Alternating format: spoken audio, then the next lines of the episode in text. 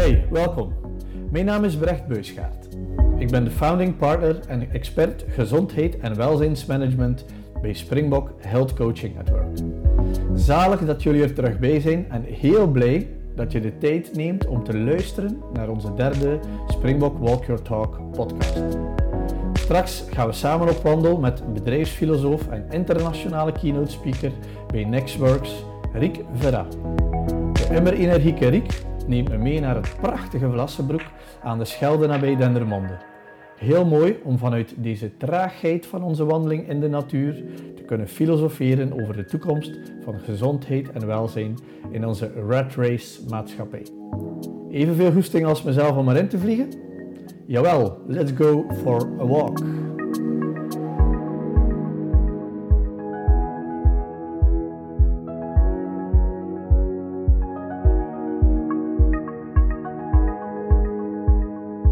Erik, uh, schitterend.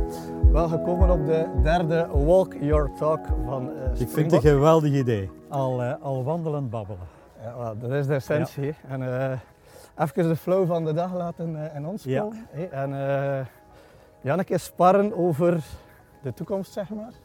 Dat, we... Babbelen, dat gaan ze in de monden niet geloven. Babbelen over de toekomst in Vlassenbroek. Mensen die Vlassenbroek kennen weten meteen dat je dat niet meteen associeert met met babbelen over de toekomst. Ah, oké. Maar als je het over... Contrast is mooi. Als je het hebt over Vlassenbroek, ja. wat maakt dat je deze plek kiest? Um, ik woon hier denk ik in vogelvlucht twee kilometer vandaan. En dit is het, uh, het dorpje waar Dendermondenaren, die denken dat ze in de stad wonen, ja. um, zich komen, de, de stilte komen opzoeken. En dat merk je hier ook. Dus dit, is de, dit is de dijk waar we de wandelingen komen hebben, waar we eh, met de kinderen kwamen als ze klein waren, waar we nu met de kleinkinderen komen.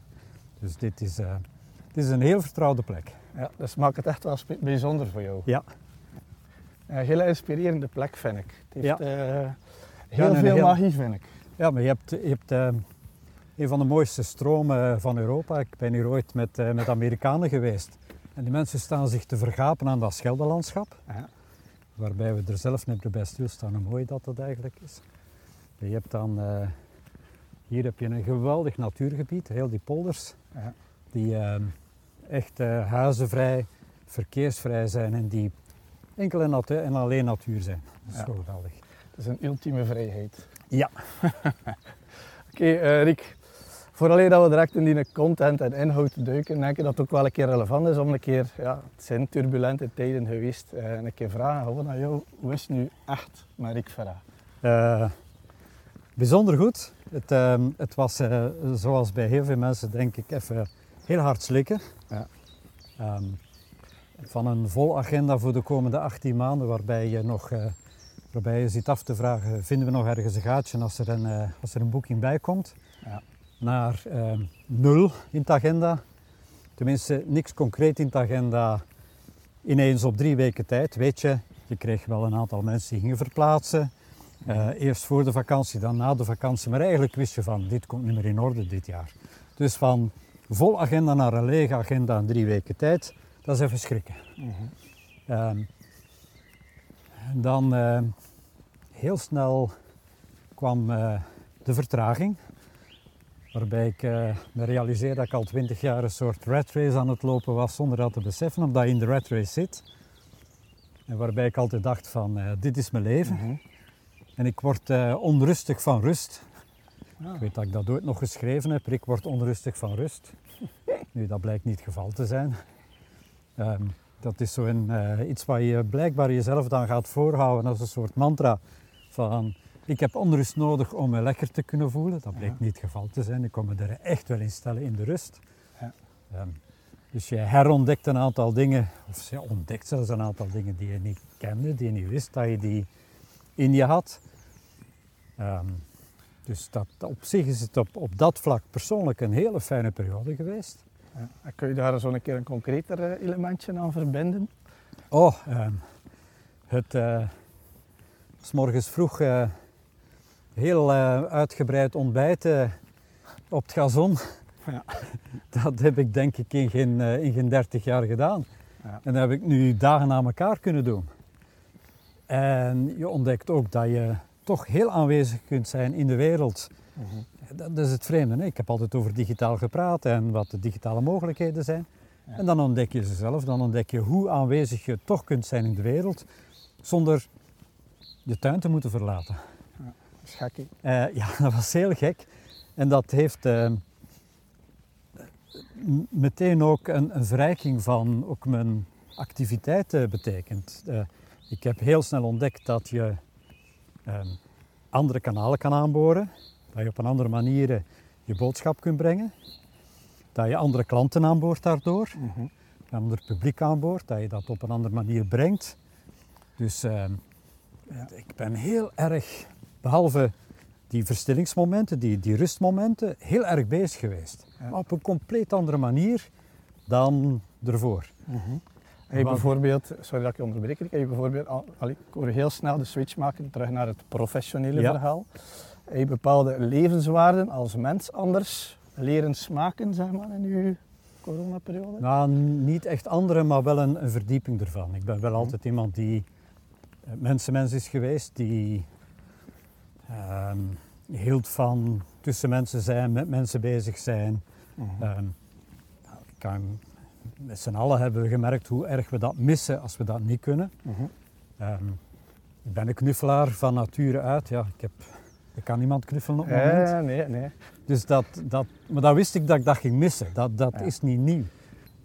Het, het belang van mijn, van mijn kinderen, van mijn kleinkinderen, dat kende ik al. Alleen dat heeft verdieping gekregen. Ja. Omdat je er ook meer tijd voor, zou nu liegen als ik zeg gemaakt heb, ik heb Mhm. er tijd voor gekregen. Ja. Door omstandigheden heb ik er ineens tijd voor gemaakt, maar dat, ik heb die niet gemaakt. Die, die was er en ik heb hem genomen, omdat Ja. er was toch niks anders. En Mhm. dat is wel fijn geweest. Ja. Maar je- nieuwe waarden ontdekt? Nou, niet meteen, nee. Kan je zeggen dat corona van jou iets meer een familieman in jou losgemaakt heeft? Ehm, de familieman was er al, maar ehm, die kreeg te weinig tijd. Ja. En die familieman die heeft meer tijd gekregen en die familieman gaat die tijd, om het even wat er nu komt, Ja. nooit meer op dezelfde manier opsoeperen aan andere dingen dan de familie. Ja. Dus dat is wel een ontdekking, dat ik de, de tijd die ik nu gekregen heb, stel dat alles back to normal gaat, wat het niet wordt, Mhm. stel dat alles back to normal zou zijn en ik op dezelfde manier terug de wereld kan rondwassen, Ja. dan weet ik zeker dat ik dat niet ga doen. Ja, Niet op dezelfde manier. En welke manier dan wel? Ja, daar ben ik erg nieuwsgierig naar, ook voor Ja? mezelf. Van hoe Ja. vind ik nu die, die nieuwe balans tussen... Het is een net curiosity. Ja, en, ja, en ook, ook die, die passie die ik wel had. Ik bedoel, Ja. dat rondreizen was niet... Ik, het was niet rondreizen omdat je van iets vlucht. Het was rondreizen omdat dat je passie is, omdat je dat graag Mhm. doet. Mhm. Waardoor je wel een aantal dingen niet doet. En ik moet daar nu een nieuw evenwicht in, of ik mag daar nu een nieuw evenwicht in vinden. Het is ergens een privilege, hè, Rick? Ja, ja. Dus ik ben. eh, je kan, het klinkt verkeerd naar de mensen die hier echt eh, onder geleden hebben. Ja. Maar in wezen moet ik deze periode even wel heel dankbaar voor zijn. Ja. Omdat ze me. Ze heeft me wel verrijkt. Mooi. Ehm haalt daar juist even aan. Hé, Vooral hier dat ik weer de wereld rond ga gaan hossen. Ja. Ik denk dat iemand die jou volgt. ehm, en ik ben daar ook al een paar jaar mee bezig. Hé, Als keynote speaker ben je een zeer inspirerend persoon voor mij.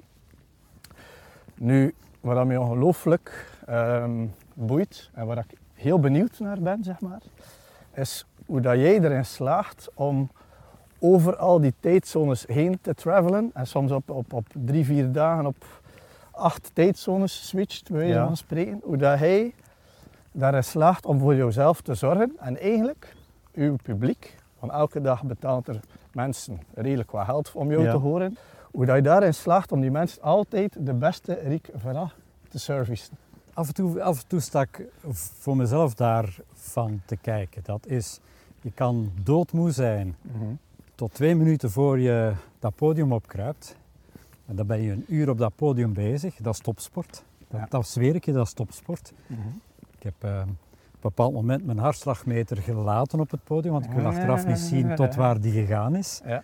Maar je bent echt topsport aan het leveren, een uur aan een stuk. En ik denk dat dat zoals een sporter is, dan kom je weer, dan, dan voel je dat niet. Dan geef je al die energie. Ja. En waarom kan je energie geven? Omdat dat ook heel veel energie geeft. Je, je krijgt heel veel energie terug. Mhm. Dus dan drijf je echt op die, op die interactie, energie.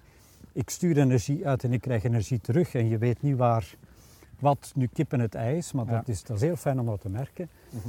En daar krijg je die energie uit. Mhm. En dan kom je van dat podium, dan kan je weer doodop zijn. Ja. Alleen op dat moment heb ik dan ook meteen de, de, de neiging om. Je komt van dat podium en het eerste wat je brein doet is alle kleine foutjes opsporen. Ja. Eh, ik heb daar iets gemist, daar had ik sneller kunnen zijn, daar had ik een bruggetje anders kunnen maken. Het eerste wat ik dan doe is mijn pc openklappen Mhm. en weer aan die, die slides gaan, eh, gaan freubelen. Dus je bent eigenlijk constant bezig met dit was niet optimaal, dit Mhm. kan nog beter. En dat, daar haal je ook de energie uit. Is dat dan ergens uw valkuil, Rick? Dat perfectionisme? Ja, de valkuil, maar tegelijkertijd ook denk ik de, de, de drijfveer. Dus Ja. tegelijkertijd de energie. Mhm. Ehm, het, het feit dat je dat perfect wil doen en dat je dat ook elke keer, ik doe heel veel intakegesprekken. Ik wil elke keer weten wie zit er in de zaal, Ehm, wat wil je dat eruit komt, wat heb, je, wat heb je voor mij gedaan, wat ga je na mij doen. Zolang dat je dat zo goed mogelijk in dat Mhm. kader kunt steken. En doordat je dat goed probeert te doen, probeer je er iets minder hit and run van te maken. Zo van, ik kom even, ik, ik voer mijn shortje op en ik ben weg. Ehm, ik probeer daar iets meer energie in te stoppen. Ook in het moment zelf, maar ook in de voorbereiding krijg je er ook meer energie uit terug. Mhm. Nu, Rick, als je dat allemaal naast elkaar dus hebt een ongelooflijk zware reis achter de rug, waar je over tijdzones heen aan het vliegen bent. Je zegt, ik sta dikwijls moe aan de start van een keynote, maar de crowd en de, het momentum heeft mij weer terug die een boost of die adrenaline onder terug ja, ten volle te staan. Ja, Ik heb ook al een paar keer aan het werk gezien, dat klopt ook effectief.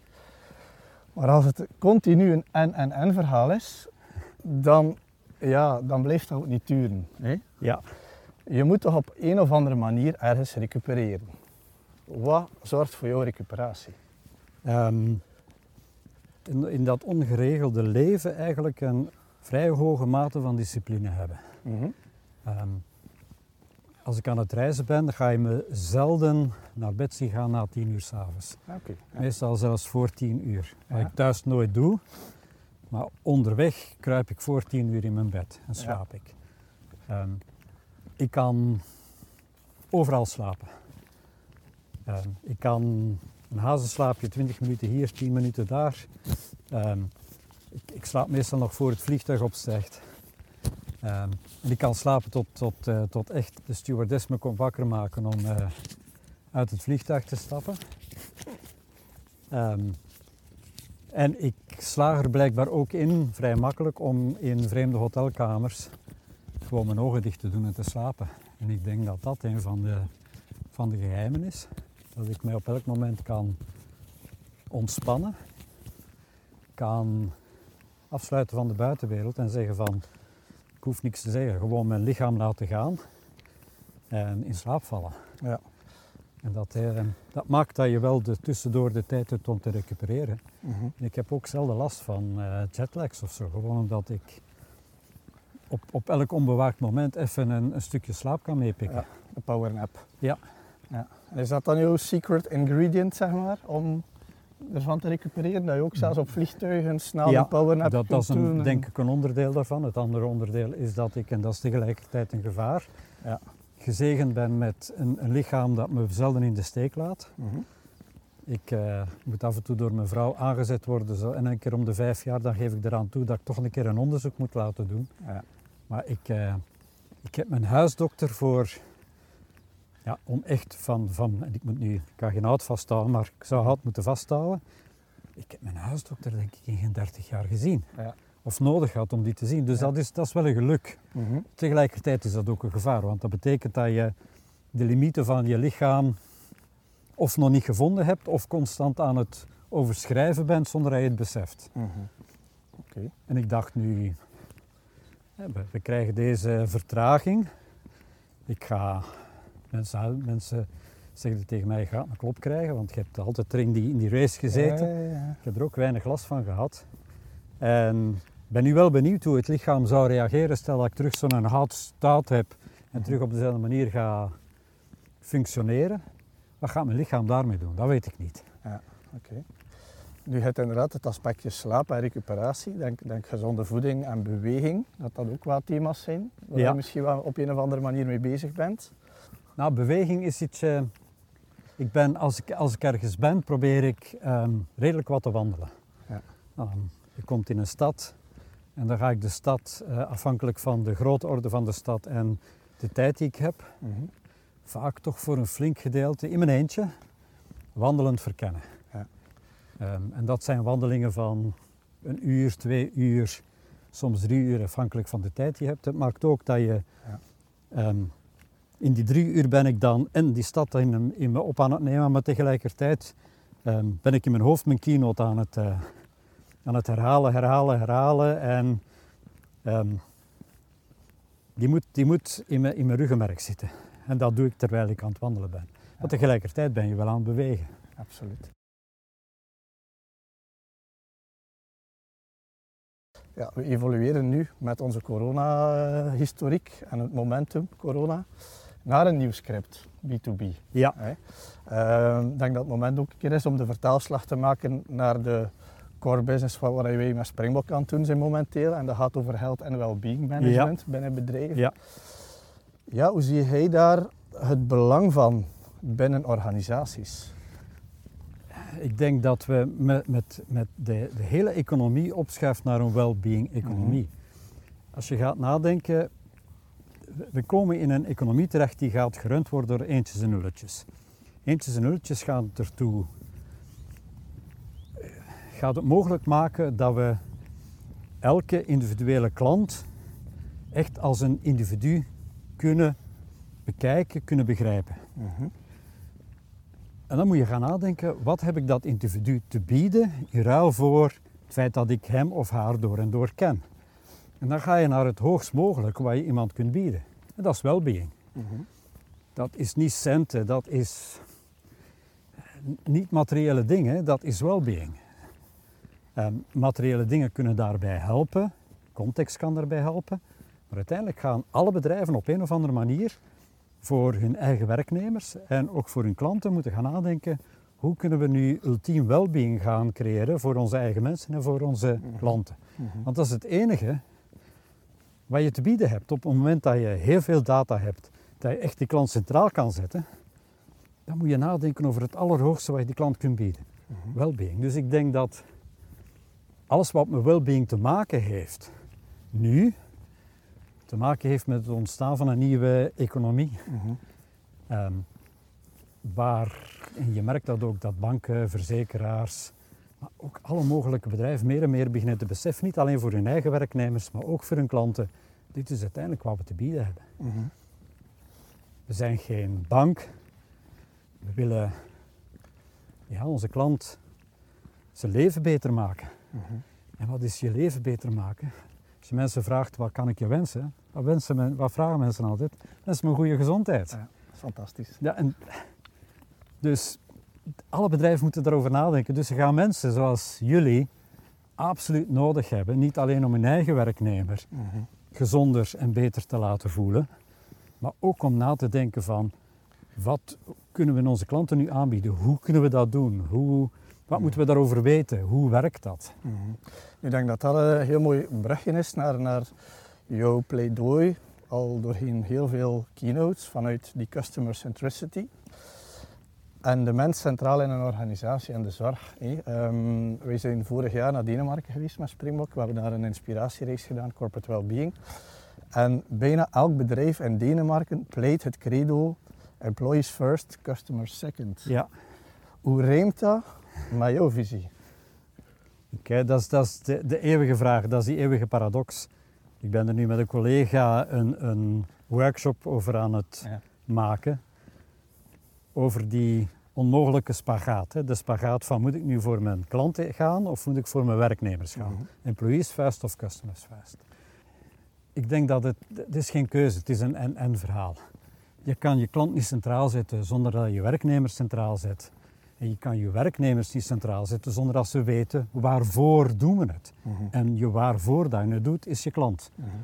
Dus het is die en-en. En ik zie op heel veel vlakken dat we van de, de oude businessgewoontes af moeten om per se keuzes te maken.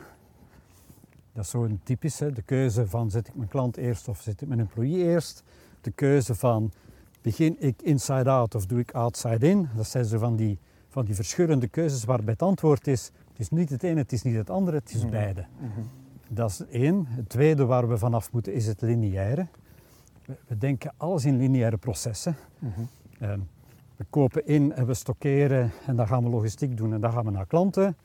Ehm, we gaan, en of we doen het omgekeerd, je begint bij klanten en je werkt de hele weg omgekeerd in de andere richting, maar het is een lineair proces. Mhm. Je, we denken in alles in oorzaak en gevolg. En zelfs als we het over klant hebben, dan hebben we het over de klantenreis. De customer journey, ook Mhm. zo'n lineair proces. Mhm. Ik denk dat we echt van die lineaire processen af moeten en beginnen beseffen dat we de neiging hebben in onze geest om dingen in een lijn om te zetten, omdat we het dan netjes kunnen behapbaar maken. Mhm. Dat we steeds meer in een holistische benadering moeten waarin alles met elkaar samenhangt. Ecosysteem denken. Mhm. Dus het is niet zeggen tegen bedrijven, jullie waren slecht bezig. Het is tegen bedrijven zeggen, jullie waren goed bezig, pak die bouwstenen. Maar zet die bouwstenen nu even in de nieuwe context. En de nieuwe context is een hyperverbonden context. Mhm. Kijk eens wat je nu met die bouwstenen in de hyperverbonden context kunt doen. Mhm. Mooi denkproces. Ja, maar niet makkelijk altijd om het eh, Nee. over te brengen. Het is bijna, vergelijk het graag met fietsen. Als je als kind iemand ziet fietsen, dan begrijp je niet dat iemand kan fietsen. Mhm. En iemand die kan fietsen, kan aan een kind niet uitleggen hoe dat je kunt fietsen. Je zegt, je moet dat gewoon doen en dan snap je op een bepaald moment wel hoe het gebeurt. En eigenlijk is dat hetzelfde met die overstap tussen lineair denken en holistisch denken. Op een bepaald moment zie je de samenhang tussen al die dingen. En dan kun je het niet meer in een lijn omzetten, want dan is die lijn elke keer een verenging. En dat kantelmoment, wanneer dat, dat gebeurt, Mhm. dat ligt voor iedereen anders. Maar op een bepaald moment komt dat, daar ben ik wel van overtuigd. Ja, ja, ja. Een gegeven van eh, praktijk is de beste leermeester. Ja, doen. Dat, Ja. is, eh, dat is mijn surfersanalogie. je, je kan pas leren surfen als je aan het surfen bent. Heel mooi, want eh, Anouk had het ook over Surfer of Life. Dus Ja, Kijk. op de duur wordt dat zo'n beetje de rode draad doorheen de, de Walk Your Talks. Ja, want dat is, de- we, we- de we leven, we leven in snel veranderende onzekere, tij, onzekere tijden. En dan, dan hou ik ervan om van die surfer-analogie te gebruiken. Ja. Eh, als je naar die surfers zit te kijken, eh, die op Nazari daar op, eh, op de rotsen staan, en ze- Mhm. of op het strand staan en te wachten op... eh, die kijken alleen maar uit naar hoe hoger de golven, hoe more excited dat ze zijn. Vandaag Ja. hebben we 20 meter golven. Geweldig, morgen en morgen op 25 meter golven, nog beter. Ja. Er zijn levensgevaarlijke dingen, maar ze vinden het toch zo geweldig om, eh, om die te surfen. En elke keer als ze een golf ge- genomen hebben en ze komen, dan zitten ze al naar de volgende te kijken. Ze van, waar is de next? Ja. Misschien nog hoger, nog beter. En er is niemand die hen op het droge geleerd heeft hoe dat ze daar soort golven moeten, moeten surfen. Je begint met 5 meter golven en dan kan je 10 meter golven aan. Daarna kan je 15 meter golven aan. En ik denk dat dat in bedrijfsleven net hetzelfde is. Ja, maar dan heb je wel succeservaring nodig, denk ik. Eh, als je elke keer eh, die golf over je heen krijgt en je krijgt Ja. elke keer klappen en je staat vol blauwe plekken, elke dag weer opnieuw en Ja. er zit geen vooruitgang in, eh, dan, eh, dan komt het niet. Ja. Maar dan heb je de coach nodig Aha. die een keer naast jou komt staan en zegt, eh, maar als je op die plank staat hè, en je verlegt dat evenwicht net dat klein beetje, Ja. misschien gaat het dan wel lukken. Ja. Je hebt af en toe iemand nodig die op de dingen kijkt die je aan het doen bent en dat kun je niet alleen zelf. Je maakt of beelden van wat je gedaan hebt of je hebt de coach. Je ziet dat bij voetballers, je ziet dat bij tennissers. Ik heb een dochter die paardrijdt. Ehm, ja, een ruiter voelt het niet. Iemand zit erop te kijken en die zegt, dit moet je een klein beetje zo doen en dat moet je een klein beetje zo doen. Mhm. En dan zie je het verbeteren. En wat maakt dat je dat niet zo volledig kunnen veranderen? Dat kritisch oog door een smart camera bijvoorbeeld, door de data. Wat maakt die coach dan als mens uniek? Je, je, ik denk dat de coach, en je ziet dat dan meer en meer coaches ongelooflijk veel gebruik maken van digitale technologische hulpmiddelen. Ja. Maar je hebt nog altijd dat intermenselijke nodig. En het intermenselijke heeft vooral te maken met het beloningspatroon. Je moet, je moet weten hoe dat je iemand kunt motiveren, hoe je iemand kunt belonen. En dat kan zelfs een machine kan dat voor een gedeelte voor je uitrekenen van dat is zo iemand die je zo beloont en dat is iemand die je zo beloont. Maar we zijn nog altijd mensen die op mensen reageren. Ja. En ik denk dat de hoogst mogelijke mate van coaching en uh, ondersteuning nog altijd van een mens moet komen. Mhm. Je kan, en alsjeblieft, mensen kunnen ongelooflijk veel technologie gebruiken. En ik, ben een, ik ga altijd een pleidooi van gebruik zoveel mogelijk technologie. Maar gooi bovenop die technologie net dat tikkeltje menselijkheid. Uh, mensen zijn hun limieten aan het verleggen. Mensen zijn aan het proberen. Dan hebben ze graag even een menselijke, menselijke touch erbovenop. Dat geldt voor klanten, dat geldt voor werknemers. Mm dan kun je dat zo een keer vastpakken, dat intermenselijke, waardevolle, wat dat is voor u. Wat maakt een mens uniek in connectie met een andere mens? Ik denk dat het alleen al met, met natuur te maken heeft. Ik denk dat het uh, te maken heeft met um, simultaanheid van een aantal dingen. Simultaanheid van een body language, van oogcontact, van de manier waarop een stem gebruikt wordt. Waarop um, mensen maken ook een coach is een mens. Dat betekent dat hij niet perfect is. Dus we zouden, als we technologie willen bouwen die heel dicht bij mensen is, moeten we technologie bouwen die faalt af en toe, die feilbaar is. Trial and error. Trial and error, ook in je coaching. Mhm.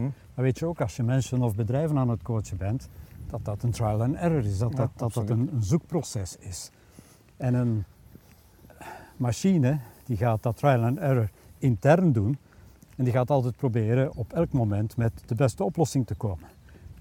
Die, die probeert die foutenmarge zo klein mogelijk te maken. Dus zo snel mogelijk te gaan naar het perfecte. Mhm. En dus om je te laten ondersteunen is dat geweldig. Maar bovenop hebben mensen echt dat echte menselijke nodig. En dat mhm. echte menselijke is het, ook het falen van de mens, het, het klein zijn van de mens. Het, uh, ja, wat, wat, noemen we menselijk? Menselijk is humor, is falen, is dubbele bodem, is ironie, is sarcasme. Dat is zo moeilijk aan te leren aan een machine. Daar staan we nog mijlenver vanaf. En dat is precies wat mensen, mensen maakt. Dat hoorde, dat hoorde iemand als Rick Ferra niet veel zeggen. Daar staat een machine nog mijlenver vanaf. Oh jawel. Ik, uh, ik, ik, ik vind zelfs dat we uh, in de jaren 50 de historische fout hebben gemaakt om wat we nu artificiële intelligentie noemen, intelligentie te noemen. Voor mij is intelligentie een intelligent iets, een intelligent wezen is een wezen, en daar heb ik het bij het begin al over gehad, dat op zichzelf kan kijken. Dat buiten tijd en context kan, op zichzelf kan kijken. Mhm. Je kan een geweldige schaakcomputer hebben. Je kan een computer hebben die wint tegen de beste pokerspelers ter wereld, maar die kan daarna geen biertje bestellen aan de bar. Die weet niet eens dat hij gewonnen heeft. Dus noem het alsjeblieft geen intelligent iets. Het is iets wat een taak kan uitvoeren en die taak wellicht honderdduizend keer beter kan uitvoeren dan een mens. Ja. Maar het wordt nooit intelligent, want het is niet in staat om op zichzelf te kijken en over zichzelf na te denken.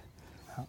En dat maakt de mens net vuil, feilbaar. Het feit dat we over onszelf kunnen nadenken, en dat doen we allemaal, malen, nadenken, denken van was dit wel goed, en zelfs als het perfect was, denken van het kan nog beter. Mhm.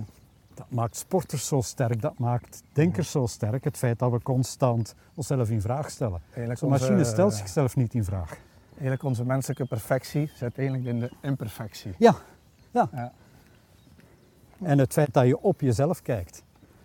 Okay. Zo'n machine kan nooit uit zichzelf treden. Vraag, vraag eens aan zo'n machine, wat denk je nu over jezelf? Denk eens nou over je functioneren. Ja. Functioneren van de ander. Filosoferen. Dus wat we in de, in de toekomst gaan nodig hebben zijn filosofen, um, antropologen, um, sociologen, um, coaches, kunstenaars, mensen die die dubbele bodem weten te leggen. Ja, creatievelingen. Ja, maar ja, creatief is ook, mensen verwarren vaak creativiteit met kunstzinnig zijn. Ja. Dat is niet hetzelfde. Kunstzinnig zijn is een bepaalde uiting van creativiteit. Maar mensen die... Je gaat op reis en je stippelt je reis uit, je zoekt hotelletjes bij elkaar. Dat is ook creatief zijn. Mm. Mensen, mensen hebben... De meeste mensen denken dat ze niet creatief zijn. Ik doe vaak workshops rond bedenk nieuwe businessmodellen. Ja. heel vaak zijn de mensen die ze van zichzelf het vinden dat ze helemaal niet creatief zijn, heel erg creatief. Ehm, ik heb hier nog een vraagje die ook wel richting data gaat. Ja. Eh, op welke manier wordt gezondheidsdata het nieuwe goud in onze maatschappij? Absoluut. Ehm, en niet op de manier, kijk, je, je hebt bij al die, die evoluties heb je de good, the bad en de ugly. De angst, en, en bij mensen laten meestal de angst voor de bad overheersen. De, de, de angst is, och, ik ga mijn, eh, mijn gezondheidsdata, die komen vrij. De verzekeringsmaatschappij gaat dat weten en de verzekeringsmaatschappij gaat daar misbruik van maken om hun premie te verhogen. Ik werk veel voor verzekeringsmaatschappijen. Geef je aan, die zijn er niet mee bezig. Dat is het laatste wat ze willen doen, want ze zijn doodsbang dat ze daarvoor gestraft worden door de consument. Los daarvan. Je moet kijken naar wat kan er dan wel mee. En nog eens, ik heb het al gezegd, als we elkaar bij nieuwjaar wensen wat, wat- of, of vragen wat maak je wens, dan is het altijd een goede gezondheid. Nu, ik denk dat we meer en meer moeten gaan beseffen als mensen dat naarmate we meer data geven aan bedrijven die alle data op een hoop gooien om daar dan slimme conclusies uit te trekken voor jouw specifieke kleine data, want veel kleine data leveren big data op. Veel big data levert slimme algoritmes. En die slimme algoritmes kunnen hele slimme dingen doen voor jouw kleine data. Nou, op het moment dat we dat gaan beseffen, dat hoe meer data we met z'n allen aan die algoritmes geven, hoe meer we individueel terugkrijgen, dan denk ik dat, dat, en dat, klik, dat die klikmoment gaat op een bepaald moment komen, dat we dat doen. Ja. En er zijn voorbeelden van waar we dat doen zonder te beseffen dat we dat doen. Bij Spotify bijvoorbeeld doen we dat zonder enig probleem. Telkens als je Spotify gebruikt, maak je Spotify slimmer. Daardoor kan Spotify voor jou en voor mij je persoonlijke muziekcoach worden. Spotify doet je af en toe suggesties en je ontdekt nieuwe dingen waarvan je denkt van, dat is niet echt mijn taste. Ja. Nooit geweten dat dat ding bestond. Ja. Geweldig. Ja. We doen dat dus al in die context. Waarom? Omdat we nooit merken dat, dat, dat we data geven, omdat we heel veel terugkrijgen. De dag dat dat, dat is vlakbij, dat dat gebeurt met ehm, gezondheid, met well-being, dan gaan we daar vol gebruik van maken. Ja. En zijn die data dan belangrijk? Ja. Zijn dat het, is dat het nieuwe goud? Absoluut. Want nog eens, we kunnen alles kopen, we kunnen onze gezondheid niet kopen. We kunnen wel ervoor zorgen dat we in de mate van het mogelijke gezond leven. Een gezond leven, laten we eerlijk zijn, dat is ook gelukkiger leven. En daar doen we het met z'n allen voor. Zalige statement. Ik denk dat de, de taak die we met z'n allen hebben, is mensen het verband laten zien tussen deel volop je data. Die data gaan niet misbruikt worden, maar in ruil daarvoor krijg je slimme dingen terug. Ik zat nog niet zo lang geleden met een, eh, met een groot farmabedrijf eh, te praten. Die zeggen we zijn zo dicht bij het vinden van a cure for cancer. Ja. En dan vraag je hen, wat staat je nou nog in de weg? En dan zeggen ze, ja, gebrek aan data. Hoe meer data we hebben, hoe sneller dat we er zijn. Is dat dan uw advies naar mensen die daar nu, draait of keer het hoe dat je wilt, maar nog altijd negatief naar kijken, naar de data beschikbaar stellen aan de verbetering van het welzijn indirect? Van mensen, bekijk het echt vanuit de positieve kant op de lange termijn. Maar ik, ik denk ook een van de, van de taken die we met z'n allen hebben, is dat je hebt nog te makkelijk bedrijven die data van mensen verwerven en die data meteen gaan omzetten in te proberen cross-sell, upsell of deep-sell. Ja. En dat zijn, de, dat zijn die ugly, dat zijn degenen die ons elke keer weer alert maken van onze data kunnen misbruikt worden. Bedrijven zouden slimmer moeten zijn. Ja, ik denk dat het dat echt een kwestie is van vertrouwen op termijn. Ja. Dat we dan de bedrijven daar het gezond verstand laten primeren. Dat het niet altijd vanuit een ugly positie is dat ze het gaan, gaan inzetten, maar echt vanuit een eh, benefits op de lange termijn gaan creëren. Is niet evident. Trust. Trust, belangrijk woord. Goed, ik heb nog eh, twee vraagjes, denk ik. Rick? Ja. Hoe wil jij er als persoon voor zorgen dat de wereld beter en wat gezonder wordt? Ik denk dat mijn grootste potentiële toegevoegde waarde is mensen over die angst heen zetten. Om te blijven duiden van mensen weg te halen van, van dat idee the good, the bad and the ugly. Mhm. Vergeet even de bad. Probeer met z'n allen te streven naar laten we daar goed mee doen. En dat is mijn functie, functionaliteit ten opzichte van bedrijven, Mhm. maar ook ten opzichte van de gebruikers van, of de, de delers van die data. En mensen ook beseffen van af en toe gaan we een keer die ugly hebben, want het is trial and error. Mhm. We gaan dingen proberen, misschien mislukken een aantal dingen, misschien zijn ze niet van in het begin wat ze zouden moeten zijn. Dat is die ugly. Maar uiteindelijk streven we z'n allen naar de good. Mhm. En ik, ik vind het mijn taak om, en bedrijven, daartoe aan te zetten. En gebruikers over die angst te zetten. En ik hoop nu en dan ook een keer overheden wakker te schudden. Want heel vaak tussen droom en daad staan wetten in de weg en praktische bezwaren. En de overheid zorgt er heel vaak voor dat we ehm, mensen nog banger maken. Doordat we de, de beren op de weg al zien voordat er beren zijn. Of dat we de beren op de weg definiëren die er nooit gaan zijn. Die er misschien ooit zouden kunnen zijn. Waardoor we ehm, dingen lam leggen, mensen bang maken, eh, onterecht bang maken. En ik denk uiteindelijk met, met z'n allen de, de snelheid waarmee het zou kunnen gebeuren vertragen. Mhm. Als we het hebben over gezondheid, ehm, moet, moet, je mensen bes- moet je me- mensen beschermen? Ja. Moet je mensen hun privacy beschermen? Ja.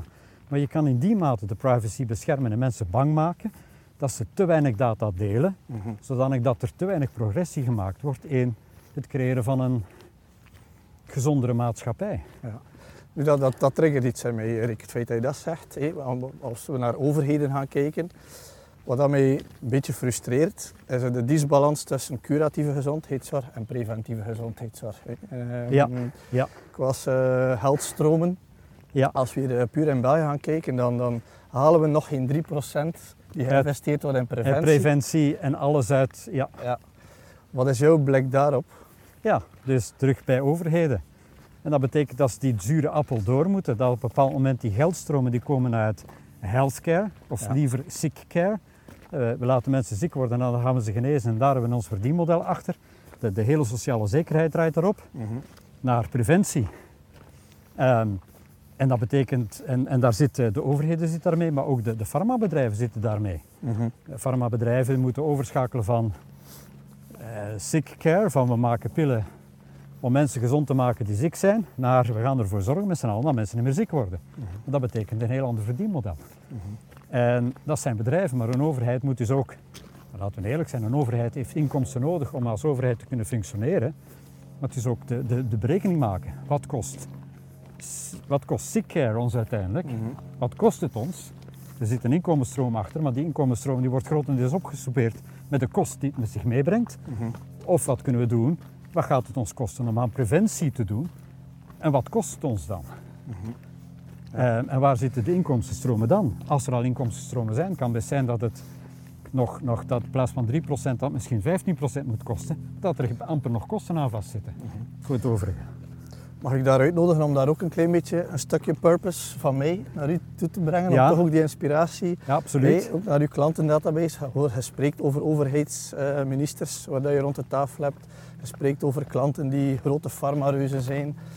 Ja, ik denk dat dat luikje gezondheid, dat ik u daar zeker voor uitnodig om dat ook echt wel ook in uw keynotes of in uw presentaties mee te nemen Ja. als, een, als een superpijl voor... eh, Nou, ik, dat, ik denk dat ik het heel mooi kan meenemen, en dat doe ik ook meer en meer.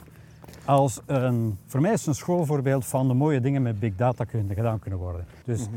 van als ik het heb over de context, big data, en hoe kunnen big data tot iets heel moois leiden, dat een bijdrage is voor de hele maatschappij, dan gebruik ik altijd het verschil tussen sick care, healthcare en hoe ook alles dan gaat samenhangen. Ja. Want je kan healthcare niet loskoppelen van gezond leven, gezond bewegen. Ehm, en dat is voor ieder anders. Ieder wordt ook anders gemotiveerd. Dat gaat over gezond eten, maar gezond eten voor jou is niet hetzelfde dan gezond eten voor mij. Dus dat heeft met je persoonlijke data te maken. Mhm. Dus je doet iets algemeen voor de gemeenschap, maar het is gebaseerd op elk individu. Ja. En dan, gebruik, dan moet je die data wel hebben. Als je die data niet hebt, dan kun je dat nooit aanbieden aan je gemeenschap. Ja. En eh, die de klik moeten we op een bepaald moment maken. Dat is een uh, warme uitnodiging. Ja. ja. Ik heb nog één vraagje. Wat zijn nu de zaken dat jij zegt van, kijk, die wil ik echt gaan meegeven aan de luisteraars of de fans van, van deze podcast? Ik denk, de, het, voor mij is het, het allerbelangrijkste is je, je bewustzijn dat je, hoe moet ik dat gaan uitdrukken? Dat, ik ben, ik, alweer het zijn die twee polen die geen twee polen zijn. Als we goed willen doen voor een gemeenschap, dan gaan we moeten vertrekken vanuit het individu. En als we willen goed doen voor het individu, dan gaan we er moeten voor zorgen dat de gemeenschap instaat voor dat individu. Mhm. Dus ik, ik ben een heel sterke gelover in inzetten van persoonlijke data en het, het toespitsen op elk individueel individu, omdat die nu eenmaal hyperverbonden zijn met elkaar. Mhm. En we moeten echt van die tweespalt af, dat, dat denken in of individu of gemeenschap. Zeg maar, als je het in kleuren bedenkt, uh, of in, in, politieke kleuren, of blauw of rood. Mm we zeggen altijd, uh, met paars zijn de gebond in blauw. Maar ik denk in dit geval is het uh, paars waar we naartoe moeten. Is het, is het net dat, dat mooie evenwicht tussen die twee. En ik denk dat we als maatschappij uiteindelijk daarnaar evolueren. Dank u Rick. Zeer verrijkend. Met heel veel plezier. We nu de dijk nog terugvinden, maar die ligt volgens mij op het einde van deze weg. En dan naar links, kijk daar is dat ligt Vlassenbroek. Dan zal ik u als coach nog een incentive misschien aanbieden. Hè? en dan is het cirkeltje helemaal ja. rond. Hè? Ja. Gaan we nog eentje drinken? Ja. Hè? En dat verdient, hè?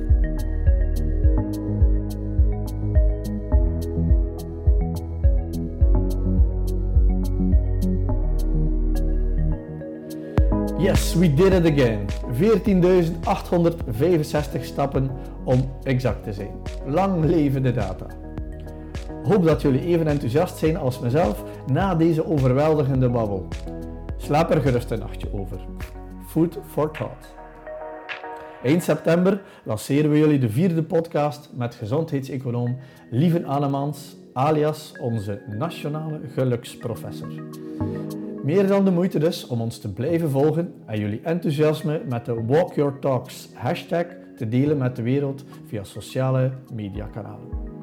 Voor een overzicht en samenvatting van de Springbok Walk Your Talk podcast en blogs kan je terecht op onze website springbokcoaching.be of de website van onze partner inywise.be. Stay tuned. Ciao!